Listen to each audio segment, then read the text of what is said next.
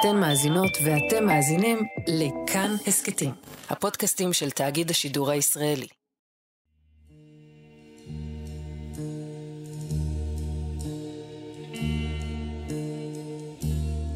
סוף אוקטובר, שנת 79 לספירה, המאה הראשונה. העיר הרומית פומפיי שלמרגלות הר וזוב מתאוששת מלילה של חגיגות לכבודו של אל האש וולקן, כשלפתע עשן וסלעים געשיים מתפרצים מלוא ההר. האפר החל נופל על ראשינו, כתב פליניוס הצעיר, אחד השורדים היחידים מהאסון. הפניתי את מבטי לאחור, ערפל כהה בעקבותינו, מתפשט על הקרקע כמו ענן. הלילה ירד. האפלה הייתה מוחלטת. יכולת לשמוע את צווחות הנשים, את צרחות הילדים, את זעקות הגברים. אחד מקונן על מר גורלו, אחר על גורל משפחתו. חלקם מבקשים את נפשם למות. חלקם נושאים כפותיהם בתפילה לאלים. רובם השתכנעו שהאלים אינם איתנו עכשיו, ושהלילה הנצחי, הסופי, הגיע לעולם.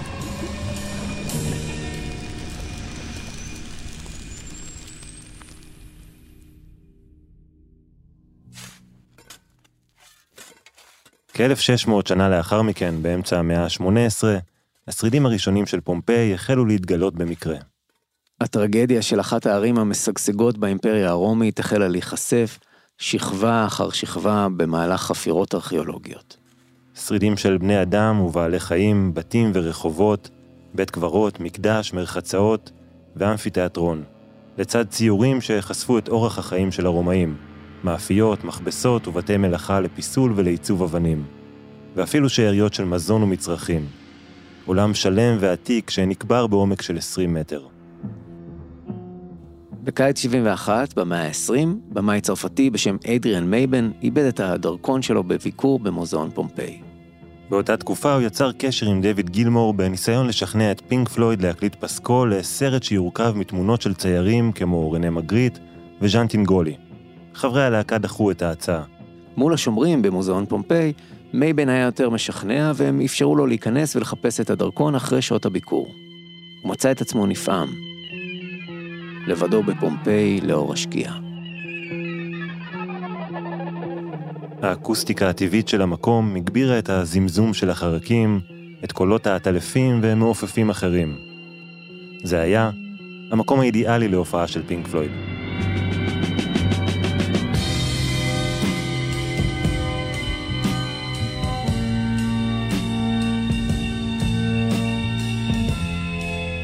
היי, אתם מאזינים לפרק השלישי במיני סדרה פינק פלויד הצד האפל של הירח, מבית כאן 88 הסכתים. אני תומר מולוידזון. ואני גיל מטוס.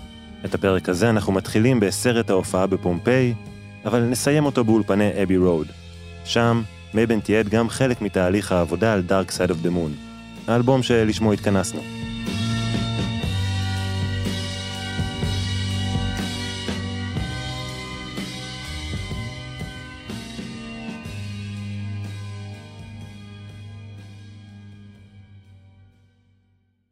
לא היה ליהוק מדויק יותר מפינק פלויד עבור הסרט שמייבן דמיין.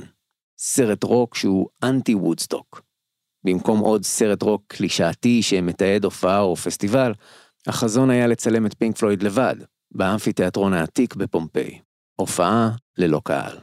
ארבעת האדריכלים שהשתמשו באביזרים, גימיקים ומשחקי תאורה כדי לחפות על היעדר דמות כריזמטית ומרכזית בהופעות, בסך הכל רצו לנגן.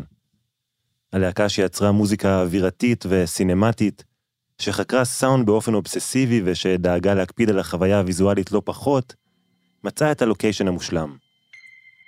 באוקטובר 1971, פינק פלויד הגיעו לפומפיי עם ציוד סאונד קוואדרופוני, היקפי, מלא ועם כל חברי הצוות שלהם. עשרות רמקולים עצומים נפרסו במרכז האמפיתיאטרון מאחורי חברי הלהקה. מולם התמקם צוות הסאונד והצילום. כבל חשמל ארוך במיוחד נמתח מהעיירה הסמוכה ועד למרכז האמפי, כיוון שארון החשמל של המוזיאון לא הצליח לשאת בעומס. עשרות אנשי צוות נפרסו לאורך הכבל רק כדי לוודא שאף אחד לא ינתק אותו. הצילום של ההופעה בפומפיי היה מורכב כי מייבן והלהקה רצו להקליט ולצלם ביצועים חיים, כמו בהופעה. אבל הקשיים השתלמו והולידו תיעוד מרהיב של פינק פלויד בתחילת שנות ה-70. יש מספר הופעות איקוניות שצרובות בזיכרון המערבי-קולקטיבי של כולנו משנות ה-60 וה-70. הנדריקס שורף את הגיטרה, ג'ניס ג'ופלין בפסטיבל וודסטוק,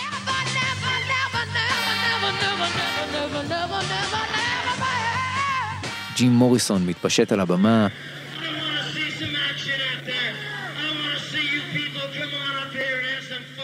והביטלס על גג הבניין.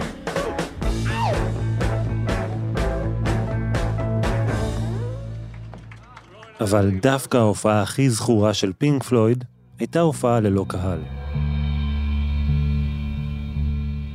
כל מעריץ של פינק פלויד זוכר את האימג'ים האלה בסרט. דיוויד גילמור יושב על הקרקע יחף ומעביר את הסלייד לאורך הצוואר של הפנדר סטרטוקסטר שלו. את ניק מייסון מנגן מקצבים שבטיים. את ריצ'רד רייט הולם בקלידים. ואת רוג'ר ווטרס מתחרע על המצילות לפני שהוא עובר להכות בגונג ענק ללא רחמים.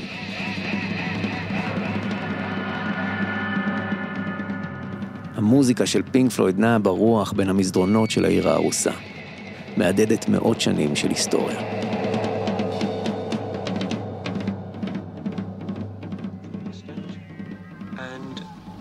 Have a lot of interest in what we're doing together. We can still combine our interests. That's really when the thing breaks down. הגרסה הסופית והמלאה של הסרט הושקע רק בנובמבר 73, כיוון שמייבן הרגיש שהתיעוד מפומפיי קצר מדי. הוא הוזמן יחד עם צוות הצילום שלו לתעד ולראיין את הלהקה באבי רוד, בעיצומה של העבודה על הפרויקט הבא של הלהקה. Uh, we have some pretty good arguments from time to time, yes. But you mean without actually exploding? פינק פלויד, Live at Pompeii, הפך עם השנים לאבן דרך קולנועית ומוזיקלית. אבל ב-73, בזמן אמת, הוא לא זכה להצלחה מסחרית גדולה. בעיקר כי באותה השנה, אותו פרויקט שתועד כדי לספק השלמות לסרט, תפס את רוב תשומת הלב של הקהל. בסופה של 1971, חברי פינק פלויד התכנסו סביב שולחן המטבח בביתו של המתופף ניק מייסון. זה היה חריג, ראינו אחד את השני באולפן או בדרכים מדי שבוע. יכולנו לדבר בכל הזדמנות, אבל כנראה שהרגשנו צורך בשינוי אווירה כדי להתרכז. כך סיפר לימים מייסון והמשיך. היו לנו כמה כיוונים ודמואים שהקלטנו בנובמבר 71. המוזיקה של מאני עם ריף הבאס במקצב לא שגרתי כבר נכתבה. אבל עוד לא היו מילים או קונספט. על הנייר אכן לא היו מילים או קונספט, אבל במוח של האדריכל ווטרס כבר התבשל החזון. הוא רצה להקליט אלבום שעוסק בשאלות, בלחצים ובקשיים שמתעוררים בחיים ומעוררים חרדה. גילמור סיפר שווטרס היה נחוש לעסוק בנושאים האלה, בלחצים של החיים המודרניים. בריאיון למגזין הרולינג סטון, גילמור אמר, כולנו חשבנו, במיוחד רוג'ר, שרוב המילים שלנו עד אז היו מתחמקות. הפעם הייתה תחושה מובהקת שהמילים צריכות להיות בהירות וישירות מאוד.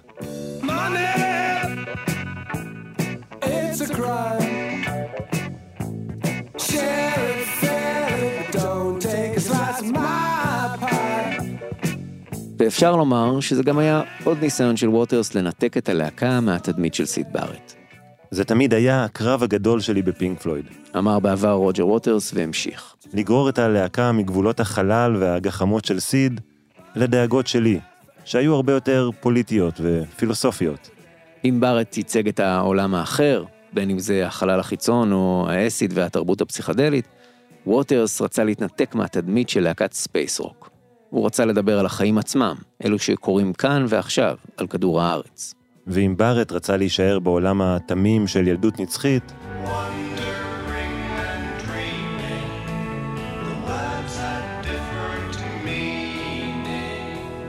ווטרס הבין שהוא מתחיל להתבגר, Sun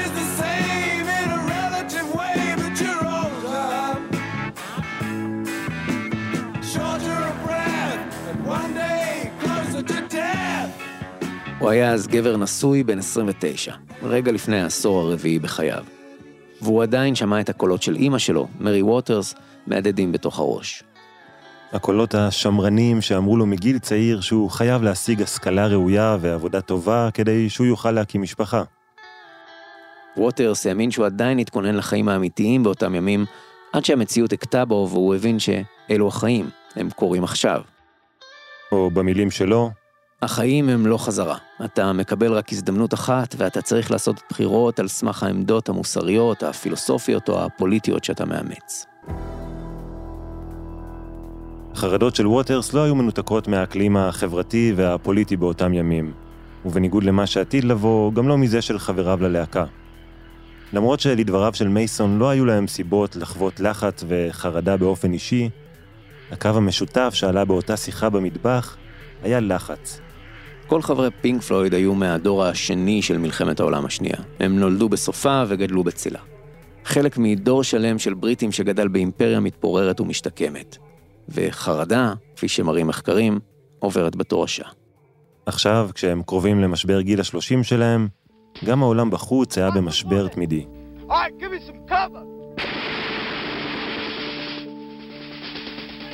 Get him back here if you can. Can you move him?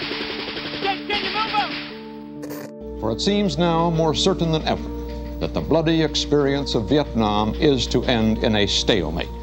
בארצות הברית מלחמת וייטנאם הייתה רחוקה מלהסתיים והמשיכה לפלג את האומה האמריקאית ולהרעיל את הפוליטיקה. השיא יגיע בפרשת ווטרגייט שפגע עמוקות באמון של הציבור בממשל. This is a CBS News special report. The embattled president. Richard Nixon's future as the President of the United States has now apparently moved beyond his control. המלחמה הקרה והאיום הגרעיני הכניסו את העולם כולו לחרדה קיומית. במגרש הביתי של פינק פלויד באנגליה, האבטלה הגיעה לשיא מאז שנות ה-30 עם למעלה מ-900 אלף מובטלים. את כותרות החדשות הציף המאבק בין הקתולים לממשל הבריטי. The classic example of the hair-trigger tensions in Belfast today. This is the Albert Bridge Road. On the left, Protestants, on the right, Catholics. Early today, a confrontation across the street. בסוף חודש ינואר 72, חיילים בריטים ירו למוות ב-14 גברים ונערים קתולים לא חמושים בצפון אירלנד. טבח שזכה לשם יום ראשון העקוב מדם. זה היה האירוע שיוביל ל-30 שנים אלימות ומלאות במאבקים. שנות ה-70 סבלו מתופעות הלוואי של סוף שנות ה-60. החלום על קריסת המעמדות ועל חיים קהילתיים פינה את מקומו ליותר אינדיבידואליזם. והתחושה הייתה שהמסיבה נגמרה. פחות אופטימיות ויותר קיטוב חברתי ואלימות.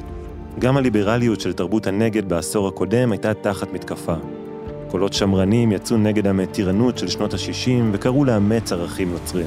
I'm scared that if I don't follow Christ, that I'm gonna die and go to hell, you know. But I believe in Christ and I'm going to heaven. ב-1971, הגרדיאן, העיתון היומי והליברלי שווטרס קרא באופן קבוע, פרסם כתבה על דוח ממשלתי שבחן את הלחץ שקשור לעבודה. תופעה שנכנסה אז יותר למודעות וזכתה ליותר ויותר סיקור תקשורתי. בדיוק מסוג הנושאים שהעסיקו את ווטרס באותם ימים. הלחצים והחרדות בעולם המודרני. בהובלתו של ווטרס, סביב שולחן המטבח של מייסון, ארבעת חברי פינק פלויד ערכו ביחד רשימה של כל הדברים שהטרידו אותם. הפחד להזדקן, פחד מוות, אלימות, חמדנות, דתות מאורגנות, דדליינים ושחיקה בדרכים. וכמובן, החשש שליווה אותם עוד מתחילת הדרך. הפחד לאבד את השפיות. הפחד לסיים כמו סיד בארט.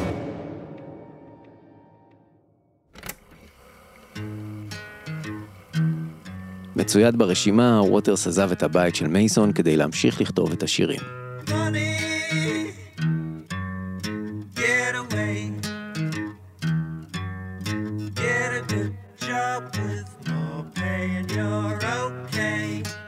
הוא הקליט כמה דמואים, אבל בניגוד למה שקרה בפעמים הקודמות, הוא המשיך לפתח את השירים יחד עם חברי הלהקה.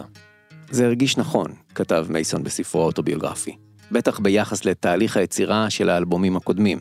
תהליך שבו המוזיקה נוצרה באולפן מתוך ייאוש ולא מתוך השראה. הפעם המשכנו לנהל דיונים וסביב המילים של ווטרס יצרנו יחד מוזיקה בחדר החזרות. לדבריו, זה נתן לווטרס זמן לשפץ ולהוסיף מילים לחלקים מוזיקליים שבעבר היו נותרים אינסטרומנטליים. עם ההשראה הגיע גם התיאבון. פינק פלויד היו להוטים לבצע חלק מהשירים החדשים במסע ההופעות שלהם. מסע שנועד לקדם בכלל את האלבום הקודם, Meddle. קשה להאמין, אבל הפעם הראשונה שבה פינק פלויד ניגנו את Dark Side הייתה ב-20 בינואר 1972 בברייטון. למעלה משנה לפני שהאלבום יצא. הכל הלך כמו שצריך, עד שהם הגיעו לשיר Money.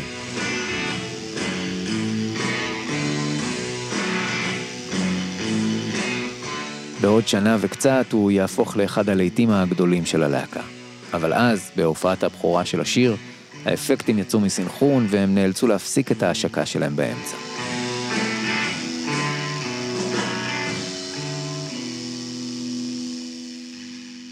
בהופעות הבאות הם הצליחו לנגן את השיר ואת כל היצירה כמעט במלואה. עד שב-4 בפברואר 72 ווטרס השלים אותה עם האפילוג וכתב את Eclipse, השיר שיחתום את האלבום. השם המלא של הפרויקט החדש היה Dark Side of the Moon, A Piece for Assorted Lunatics. שם שחיזק את העובדה שהשיגעון הוא הנושא המרכזי באלבום. אבל בתחילת 1972, להקת בלוז רוק בריטית בשם מדיסון הד, בדיוק הוציאה אלבום חדש, וקראו לו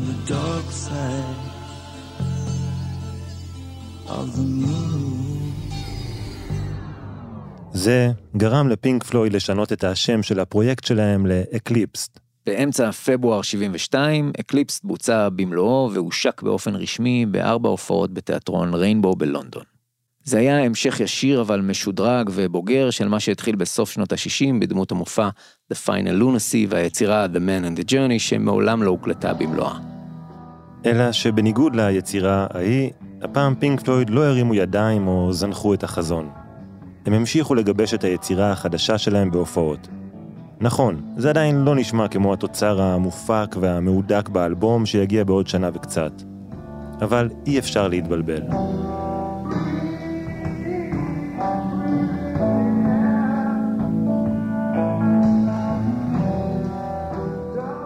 עדיין לא היו שם את כל האפקטים והאינסרטים הקוליים שכל כך מזוהים עם האלבום, כמו השעונים שפותחים את טיים. עדיין לא שומעים את הסקסופון שילווה שירים כמו מאני ואס אנד דם. הקהל הסתפק בינתיים רק בגיטרה של גילמור.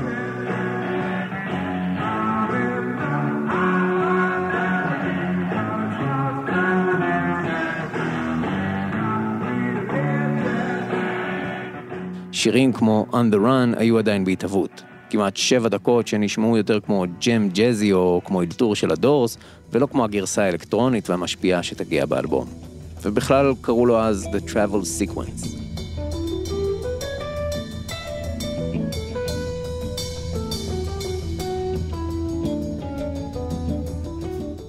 גם The Great Gig in the Sky עוד היה רחוק מהיצירה המפוארת והווקאלית שנשארה איתנו עד היום.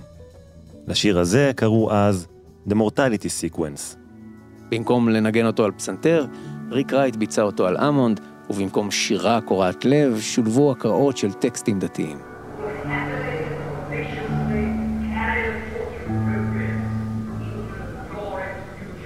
אבל איך שלא מסובבים את זה, זה היה הישג עצום. הקהל שזכה להיות בהופעות האלו יצא נפעם.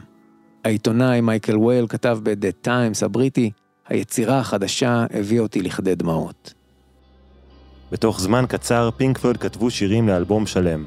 אלבום קונספט שבו כל השירים מתחברים יחד לכדי יצירה אחת.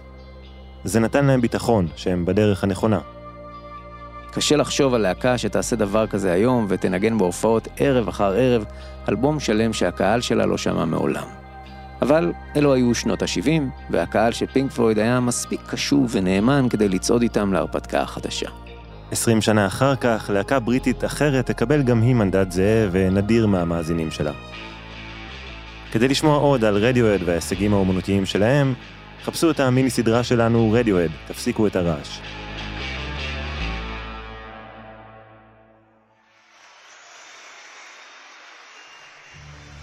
פינק פלויד לא הביאו איתם רק שירים חדשים להופעות, הם גם שדרגו את מערכת הסאונד שלהם.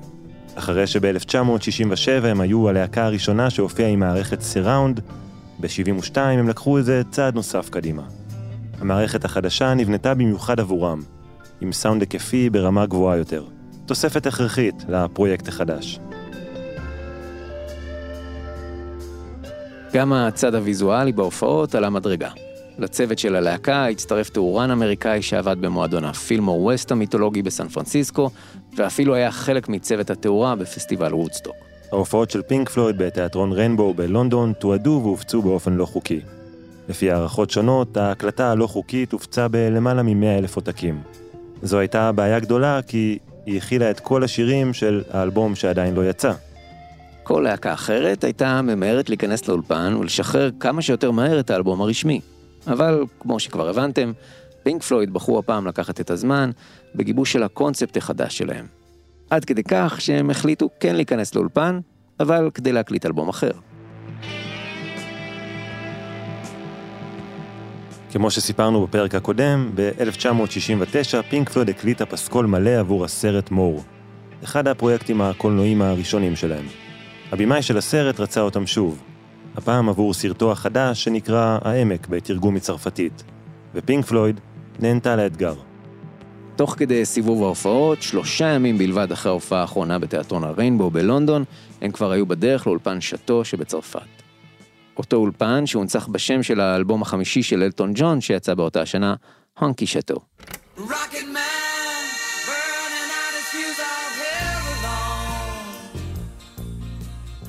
גם הפעם הם היו בפוקוס. העבודה על השירים של Dark Side חיזקה את הביטחון שלהם. אם בעבר הם שרפו שעות על גבי שעות בג'ימג'ומים באולפן, הפעם לא הייתה להם את הפריבילגיה הזו. בתוך שבועיים הם העמידו עשרה שירים חדשים, ותוך כדי אפילו הספיקו לקפוץ להופעות ביפן. דווקא לפני שהם נכנסו לאולפן לעבודה מאומצת וארוכה, הם עשו את ההפך הגמור. לימים, גילמור יספר, זה היה מהיר מאוד. ישבנו בחדר, כתבנו והקלטנו. כמו פס יצור. זה טוב לעבוד ככה תחת אילוצי זמן קיצוניים ולנסות לענות על הצרכים של מישהו אחר. השירים החדשים שפינק פלויד כתבו לפסקול של הסרט הצרפתי ראו אור ביוני 1972, תחת האלבום השביעי של הלהקה, Obscured by Clouds.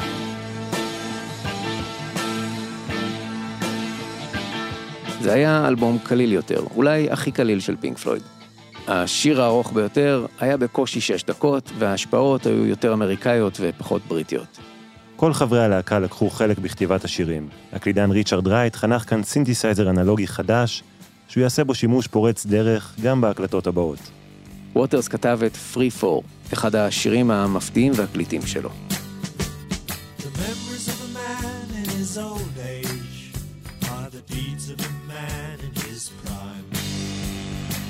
שיר עם רפרנס למוות של אביו במלחמת העולם השנייה. אפשר ממש לשמוע כאן את השורשים של The Wall ו-The Final Cut, היצירות האחרונות של פינק פלויד, או ליתר דיוק, של ווטרס. השיר What's או The Deal זכה למעמד של פנינה פינק פלוידית אבודה, אחרי שב-2006 דיוויד גילמור אימץ אותו להופעות הסולו שלו. Let me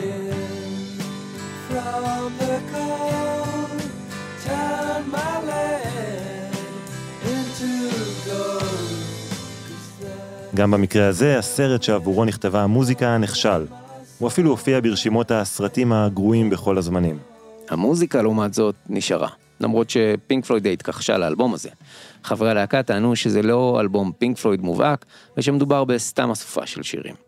הם אפילו דאגו לבחור עטיפה חלשה שלא תמשוך יותר מדי תשומת לב בחנויות התקליטים ותתחרה עם האלבום הבא שלהם. ועדיין, Obscure by Clouds הגיע למקום ה-46 במצעד האמריקאי. הפעם הראשונה שפינק פלויד בכלל הכניסה אלבום ל-50 הגדולים בארצות הברית. סימן לבאות. במגרש הביתי, באנגליה, הוא טיפס למקום השישי. העבודה על האלבום אפשרה התמקצעות נוספת של חברי פינק פלויד רגע לפני הפרויקט הכי חשוב שלהם. והיא באה לידי ביטוי ביצירת שירים פשוטים יותר ובכתיבה מסורתית יותר מעולמות הפולק רוק. בית, פזמון, בית, פזמון, לאו דווקא יצירות רוק מתקדם מורכבות או אוונגרדיות. אבל אולי ההתנסות הזאת גם היוותה פורקן לכל מיני צרכים ורעיונות שלא התאימו לאקליפס. מה שבטוח זה שבזמן שפינק פלויד משכו את הזמן, האלבום The Dark Side of the Moon של מדיסון הד נכשל מסחרית, מה שאפשר לפינק פלויד לחזור לשם המקורי.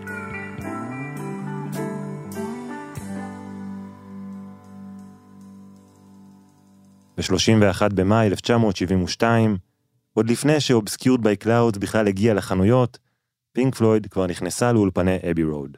הפעם זה יהיה לשמונה חודשי עבודה על The Dark Side of the Moon. באולפן חיכה להם מיקסר חדש של 16 ערוצים, עם אפשרות להקליט בשיטה קוואדרופונית. כלומר, להקליט אלבום כמו בהופעות שלהם, ב surround ולא בסטריאו. באולפן גם חיכה להם טכנאי הקלטות מוכשר ומלא במוטיבציה וברעיונות. אדם שיכול להתמודד עם המיקסר החדש ועם הגישה והחזון של פינק פלויד. והיו לו גם קבלות. אחרי שהוא עבד באותם האולפנים על שני האלבומים האחרונים של להקה אלמונית ונשכחת בשם הביטלס. לימים, אלן פרסונס יהפוך לשם דבר בפני עצמו.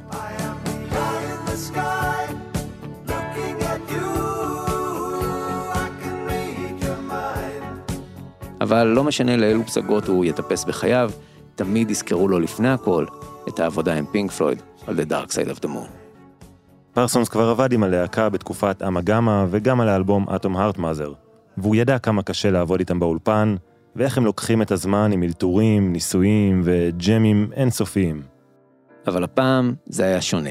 השירים כבר היו כתובים, ופינק פלויד הכירו אותם היטב. הם הופיעו איתם במשך כמה חודשים וגיבשו אותם מול הקהל. בחודשים הקרובים, בין מאי 72 לפברואר 73, פרסונס ילווה את פינק פלויד בהקלטות. הם היו אז ב peak היצירתי שלהם. הם ידעו שיש להם ביד אלבום ששווה זהב, והם עבדו עליו ביחד כלהקה, כדי ליצור אלבום שהוא לא פחות ממושלם. אז מה קרה באולפן, ואיך Dark Side שינה את החיים של חברי פינק פלויד בפרט ואת עולם המוזיקה בכלל? על כל זה נדבר בפרק הבא, כשניכנס יחד עם פינק פלויד לאולפן ונלווה אותם בהקלטות של יצירת המופת.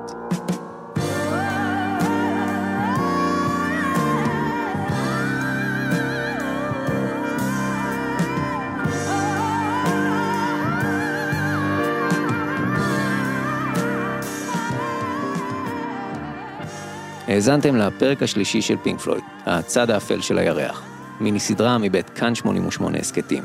פרקים נוספים וסדרות נוספות תוכלו למצוא באתר כאן 88 וביישומון כאן. אנחנו נמצאים גם בכל יישומוני ההסכתים. רשימת מקורות ניתן למצוא בעמוד ההסכת. את המיקס והסאונד של הפרק ערך אסף רפפורט. מוזיקה מקורית, עמרי סקופ. תודה לאייל שינדלר, בר בלפר, נוגה קליין, סיון טטי, עופרי גופר, עופרי מאקו ונבי יעקבי, עמית בהר ותומר קריב. אני תומר מולוידזון. ואני גיל מטוס. בואו להגיד שלום בקבוצת כאן הסכתים בפייסבוק.